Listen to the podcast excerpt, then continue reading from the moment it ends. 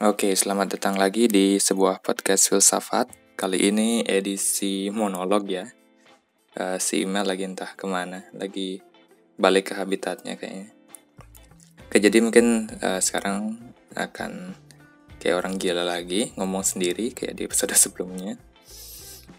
Uh, jadi sekarang ya udahlah, langsung aja ke topik sekarang. Jadi podcast tanpa basa-basi dan tanpa bridging ya, langsung ke topik pembahasannya. Jadi coba bayangkan dirimu dituduh makar gitu. Padahal kamu benar-benar tidak bersalah dan akan dihukum mati gara-gara hal tersebut. Apa yang Anda lakukan jika Anda di posisi tersebut? Reaksi Anda akan seperti apa? Depresi kah? Marah? Akan ketidakadilan yang terjadi? Atau kamu tidak bisa membayangkan itu terjadi pada hidupmu. Rasanya udah kayak langit mau rubuh gak sih? Itu aku bisa bilang sebagai apa ya? Salah satu nasib yang sangat buruk dan dihukum mati padahal nyatanya kamu tidak bersalah. Yaitu nyebelin banget kan. Beruntungnya kita semua tidak usah khawatir gitu. Karena aku rasa nasib semalang itu tidak akan terjadi di antara kita semua gitu kan. Tapi, ada orang dalam sejarah yang pernah mengalami nasib seburuk ini. Dan aku bakal kenalin kalian dengan orang itu. Dan dia bernama Boetius. Atau lebih uh, lengkapnya, Anisius Manlius uh, Severinus Boetius. Atau kerap disapa anjing.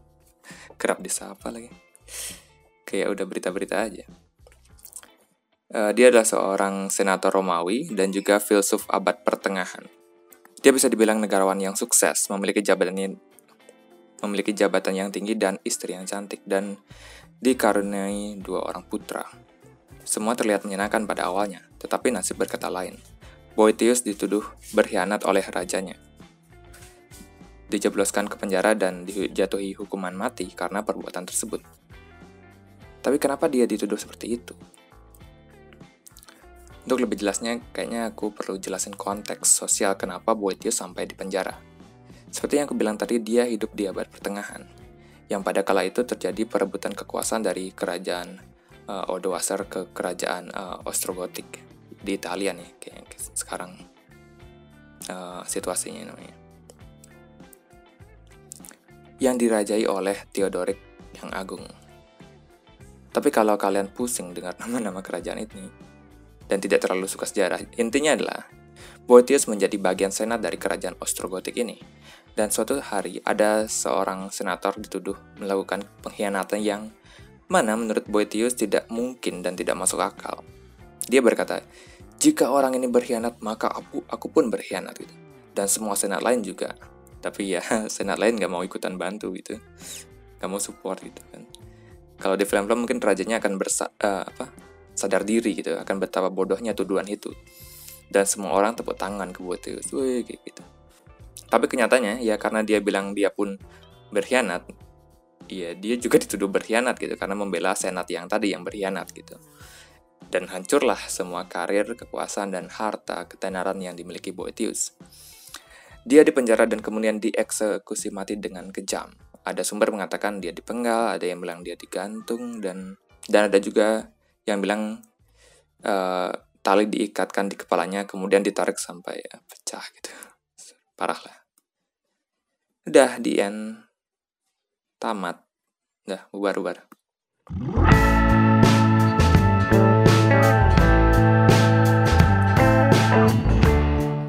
Tentu cerita mengenai Boetius tidak berakhir di sana, tapi memang nyatanya Boetius tetap dihukum mati dan tidak mendapatkan keadilan yang seharusnya dunia nyata kayaknya uh, kebanyakan berakhir tragis gak sih daripada happy ending ya. Ya cerita Boetius berakhir seperti itu. Tapi selama dia di penjara, di tengah kesedihan dan kemarahannya, dia sepertinya lebih produktif daripada kita semua gitu kan. Pada kita di karantina, kita nggak terlalu produktif. Dia di penjara lebih produktif itu. Dia menulis sebuah buku. Sebuah buku yang fenomenal yang bisa dibilang menjadi bestseller selama ribuan tahun dan di, di, dan diterjemahkan ke berbagai bahasa. Buku yang dikarang di tengah kemalangan ini berjudul De Consolatione Philosophiae atau The Consolation of Philosophy. Ya, uh, apa ya bahasa Indonesia-nya ya mungkin uh, filsafat sebagai pelipur lara gitu lah. Kemudian pertanyaan yang muncul adalah apa yang membuat buku ini begitu fenomenal? Emang pemikiran baru apa yang ia cetuskan? Apakah dia memberi angle baru terhadap suatu fenomena atau apakah membongkar suatu status quo yang ada? Gitu. Apa gimana kan? Dan jawabannya adalah justru sebaliknya. Tidak ada ide atau pemikiran yang bisa dibilang benar-benar baru yang tertuang dalam tulisannya. Ya mungkin ada satu dua poin yang baru ya. Tapi yang membuat buku itu sangat bagus adalah bagaimana cara penyampaiannya. Maksudku bukan karena gaya tulisan populer atau uh, kayak tulisan motivasi-motivasi gitu ya. Malahan bukunya dimulai dengan ditahannya Boetius di penjara dan bagaimana depresi, sedih, dan marahnya dia. Jadi bisa dibilang untuk bagian awal buku ini cukup gelap dan depressing. Tapi ketika Boetius di dalam kesedihannya yang amat mendalam, tiba-tiba dia dihampiri oleh seorang wanita misterius. Oh, ingat ya, maksudnya ini dalam bukunya, aslinya Boetius tenang aja dia nulis buku. Dia dalam cerita bukunya, dia menulis dia itu depresi. Gitu. Padahal dia sedang nulis buku aja. Kayak gitu. Boetius mendeskripsikan wanita yang tadi, yang misterius itu, memakai gaun yang ditenun dengan pola pi di bagian atas dan simbol theta di bagian bawah. Dia juga memegang buku di tangan kanan dan tongkat di tangan kirinya. Dan siapakah wanita misterius ini yang tiba-tiba datang ke Boetius? Boetius menyebut wanita itu sebagai Lady Philosophy. Um, kalau di Indonesia kan mungkin apa ya wanita filsafat atau dewi filsafat mungkin ya? Ya aku sendiri nggak juga tahu sih uh, terjemahan yang apa yang yang benarnya. Jadi kita pakai istilah lady filosofi aja sampai akhir podcast ini. Jadi pertanyaan pertama yang pasti ada di benak semua orang adalah kenapa atau ngapain lady filosofi atau ngapain lady filosofi datang ke penjara untuk menengok uh, Boetius karena judul bukunya adalah Filsafat sebagai pelipur lara, mungkin cukup jelas ya. Tujuan dari filosofi ke sana yakni untuk menghibur Boetius. Tapi bukan sekedar menghibur membuat tenang dengan meminta Boetius melihat hikmah dari segala kejadian ini dan apa cuma fokus pada hal yang positif dan percaya ini adalah yang terbaik gitu. Tipikal motivator lah. Uh, ya bukan kayak gitu ya. Lady Filosofi berperan sebagai tokoh yang uh, mengingatkan kembali Boetius terhadap ilmu-ilmu filsafat yang dia sudah pelajari dan mengaplikasikannya pada masa-masa sulit seperti ini. Lady Filosofi ini adalah personifikasi dari pengetahuannya Boetius yang dia gunakan untuk membuat dirinya tabah. Dan dia menggunakan tokoh manusia um, supaya itu terasa lebih terasa lebih personal gitu. Oke, mungkin kalau kalian bingung, coba kita ingat-ingat deh pemikiran-pemikiran filsafat yang kita udah pelajari sejauh ini. Oke, ada perumpamaan gua gitu di awal oleh Plato, deontologi versus konsekuensialisme, free will dan determinisme dan lain-lain lah. Dan semuanya kebanyakan ngomongin hal-hal yang terjadi di luar sana gitu. Hal-hal yang general gitu, kayak etika atau metafisika gitu. Atau so what gitu kan. Apa hubungannya dengan kehidupanku? Aku nggak peduli apakah semua ini kehendak bebas atau sudah ditentukan. Nyatanya aku sedang di penjara dan akan dieksekusi akan kesalahan yang tidak pernah aku perbuat. Apa etika, metafisika, epistemologi gitu akan membantuku atau menghiburku di, di situasi saat ini? Enggak kan gitu kan. Jadi bisa dibilang tujuan Boetis membuat karakter Lady Filosofi ini adalah membuat filsafat itu sendiri, uh, seperti yang udah aku bilang tadi, menjadi lebih personal gitu.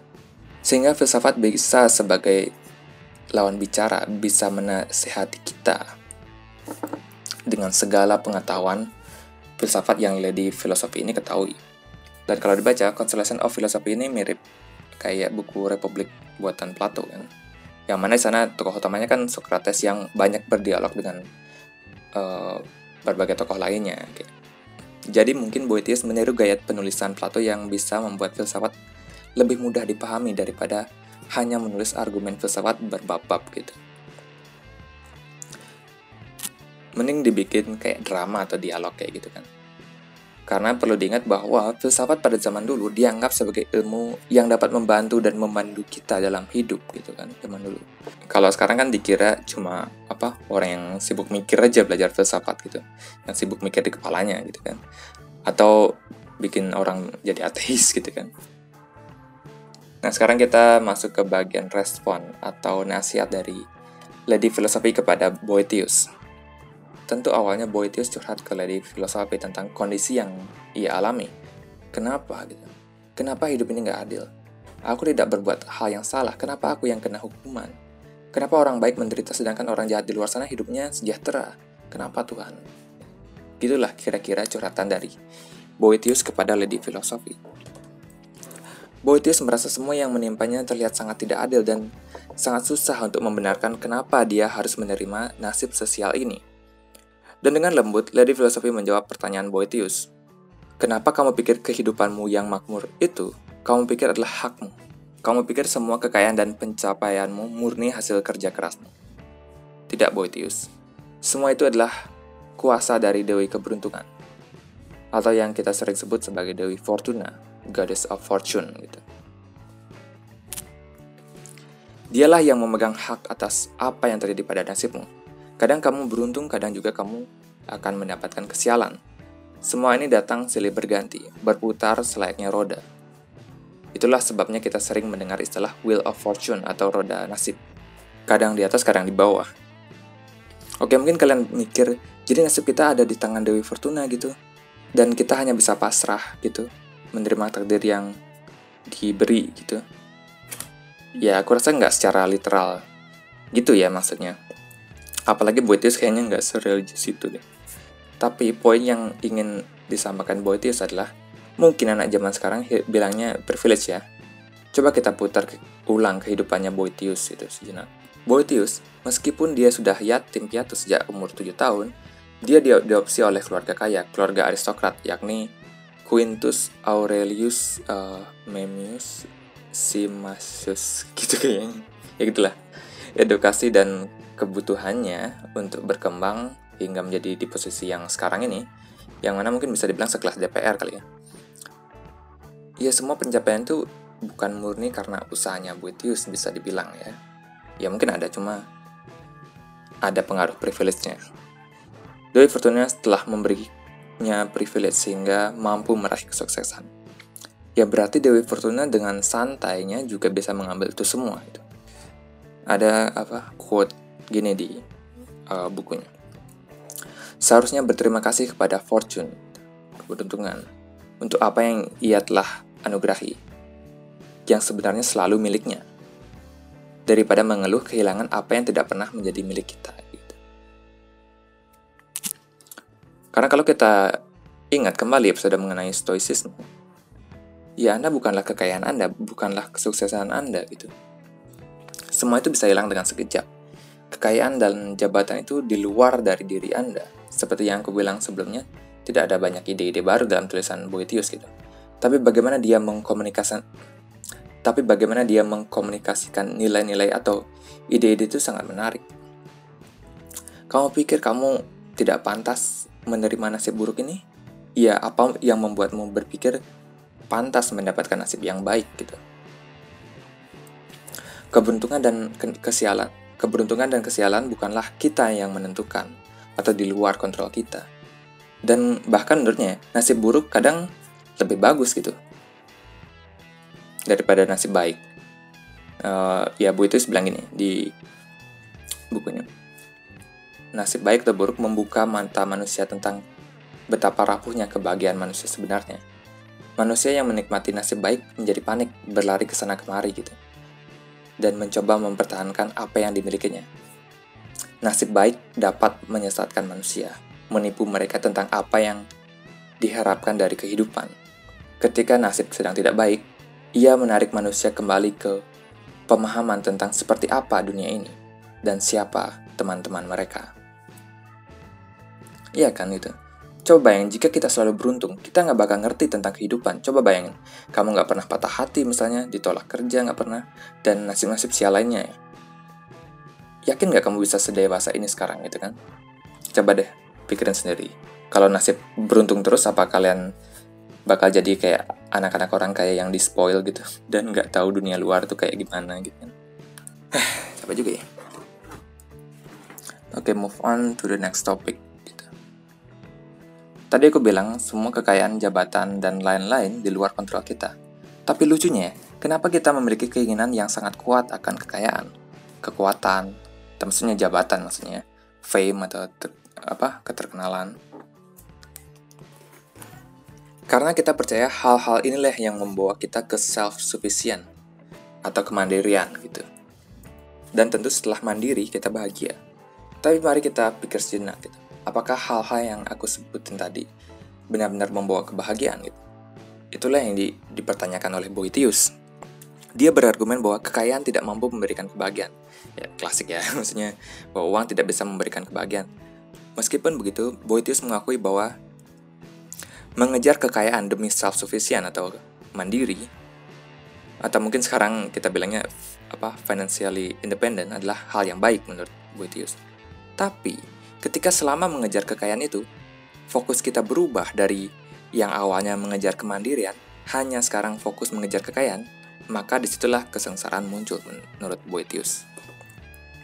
Coba kalian pikir, semakin banyak uh, uang yang kalian punya, semakin banyak usaha yang kalian lakukan untuk tidak kehilangan hal itu.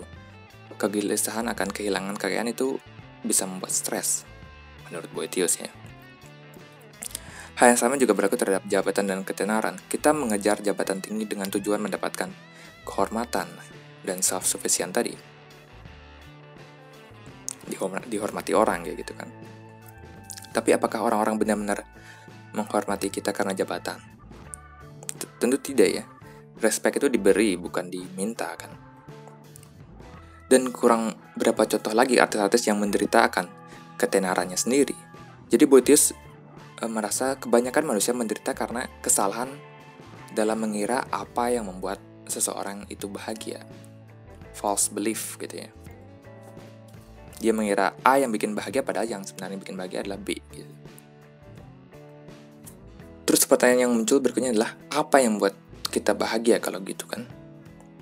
Jawaban yang diberi Boetis adalah Tuhan. Wait, untuk uh, pendengar yang ateis, jangan di stop dulu ya. Tenang, gak usah Gak usah gergetan baru dengar kata Tuhan, biasa aja gitu. Pas Nietzsche mengkritik agama dan Tuhan, pasti ada juga pendengar yang uh, teis gitu, yang apa yang beragama mau dengerin sampai habis. Udahlah, kita memang harus biasa mendengarkan kubu seberang gitu. Jadi perspektif kita jadi lebih luas. Tapi sebelum itu kita perlu mendengar alasan kenapa Boetius pikir Tuhan itu ada. Dia nggak bakal cuma bilang Tuhan yang bisa membuatmu bahagia, tanpa memberi alasan logis kenapa Tuhan itu ada. Jadi dia memberi dua set argumen tentang hal ini. Yang pertama mengenai kemampuan kita untuk melihat ketidaksempurnaan. Bagaimana kita tahu suatu hal itu tidak sempurna jika bukan karena ada sesuatu hal di luar sana yang benar-benar sempurna. Dan hal itu adalah Tuhan menurut Boetius gitu. Dan argumen berikutnya adalah mengenai bagaimana dunia ini dikendalikan, govern gitu eh aku tidak begitu pengen ngomongin argumen tentang apa keberadaan Tuhan ini panjang sih. Maksudnya masih banyak yang perlu diomongin gitu kan. Jadi ini aku kan keep it short gitu. Simple aja. So basically di dunia ini sangat kompleks. Eh, dunia ini sangat kompleks. Banyak hal yang terjadi seperti apa? Pasang surut lautan musim terus berganti dan berulang perputaran planet dan lain-lain. Siapa yang menjaga semua itu tetap bergerak sebagaimana sebagaimana mestinya? Ya bagi Boetius jawabannya adalah Tuhan gitu. Nah itu simpelnya oke. Okay? Kita kembali ke pertanyaan tadi. Terus kenapa dengan mendekatkan diri kepada Tuhan akan membuatmu bahagia? Mungkin biar lebih jelas memahami maksud dari Boetius kita coba dengarkan dulu kutipan dari uh, bukunya ini. Sekarang sama seperti manusia yang menjadi adil dengan memperoleh keadilan dan bijaksana dengan memperoleh kebijaksanaan, jadi dengan argumen yang sama, mereka harusnya menjadi Tuhan begitu mereka memperoleh keilahian. Oleh karena itu, setiap orang yang bahagia adalah Tuhan. Tuhan pada dasarnya adalah satu, tetapi tidak ada yang menghalangi jumlah terbesar yang mungkin untuk berbagi dalam keilahian tersebut. Maksud dari kutipan tadi adalah dengan mengejar sifat-sifat ketuhanan dan dengan berbagi sifat-sifat suci tersebut, kamu akan bahagia. Ya karena semua yang bagus ada di Tuhan, ya begitu kan premisnya. Ya sifat-sifat seperti keadilan, kebijaksanaan, pengetahuan yang luas, dan lain-lain. Itulah yang memberi kebahagiaan sejati menurut Boetius. Ya dan meskipun kalian ateis ya, kalian nggak bakal bilang memiliki sifat yang baik tadi tidak akan memberi kebahagiaan kan. Ya kali orang yang uh, berpengetahuan, adil, dan bijaksana uh, hidupnya lebih terasa menderita daripada orang bodoh, tidak adil dan arogan gitu kan. Atau kalian gak setuju malah? Bagi kalian orang baik lebih menderita daripada orang jahat di kehidupan ini. Nah, dan itu pula kesalahan Boetius. Dia berkata kepada Lady Filosofi, jika memang Tuhan itu baik, kenapa aku dilucuti dari semua kehormatanku, kehilangan semua hartaku, difitnah, dan bayaran atas semua pengabdianku yang jujur yakni harus dipenjara dan mendapatkan hukuman mati. Sedangkan orang-orang jahat itu menari-nari dengan senangnya dan merencanakan kelicikan-kelicikan yang baru. Itulah yang dirasakan Boetius. Dia merasa tidak ada keadilan di dunia ini. Jadi, apa yang Lady Filosofi katakan kepada Boetius terhadap permasalahan yang banyak orang rasakan, ini tidak setimpalnya reward yang orang baik dapatkan, tapi, seperti yang Lady Philosophy katakan, you are suffering because of your incorrect belief. Kamu menderita karena uh, memiliki belief-belief yang salah gitu. Sama halnya dengan membuat asumsi yang salah tentang nasib baik, yang mana kamu mengira itu adalah hakmu atau milikmu, padahal itu bukan punyamu dari awal. Hal yang sama juga berlaku di sini. Kenapa kamu mengasumsikan orang baik akan mendapatkan reward atau hal-hal baik lainnya? Menurut Boetius, hadiah karena menjadi orang baik adalah ia menjadi orang baik itu sendiri. What gitu kan? Wait, what gitu kan? Hadiah atau reward macam apa ini kan? Mungkin kalian berpikir begitu. Agak susah dicerna. Eh, emang gak susah dicerna sih, tapi kenapa orang jahat nggak dapat hukumannya? Malah hidup mereka kelihatannya enak-enak aja gitu kan. Koruptor misalnya bisa mendapatkan uang yang banyak dengan gampang, terus walaupun di penjara penjaranya kayak hotel gitu kan fasilitas lengkap masih bisa ketawa-ketawa lagi kan nggak gitu sebenarnya jadi filosofi memberitahu Boetius bahwa hukuman orang jahat adalah ia menjadi orang jahat lah lah gimana sih Lady filosofi ini tapi tunggu tunggu dulu coba kita dengarkan dulu alasan kenapa Lady filosofi berkata seperti itu karena sebenarnya orang jahat selalu menderita gitu menurut Boetius Ah seriusan itu, kok bisa? Ya coba deh kalian pikirkan, apakah kalian pikir enak menjadi orang jahat? Dan menurut Boetius, orang jahat membuat neraka personal untuk dari mereka sendiri. Dan pada akhirnya akan mendapatkan hukuman yang seharusnya, terus timpal, tapi memang dalam sudut pandang waktu manusia terlihat sangat lama gitu. Lalu apa yang dimaksud dengan membuat nerakanya sendiri gitu? Mungkin aku kasih contohnya aja ya. Ya, maksudnya aku juga kalau lagi bosan kadang suka dengerin podcast dengan tema true crime atau membahas uh, pembunuh berantai misalnya. Mungkin sekilas mereka tuh terlihat menikmati membunuh orang-orang tak bersalah. Namun aku bisa jamin sih, deep down tuh mereka tuh menderita sebenarnya. Mereka harus tetap membunuh untuk merasakan kebahagiaan sejenak gitu.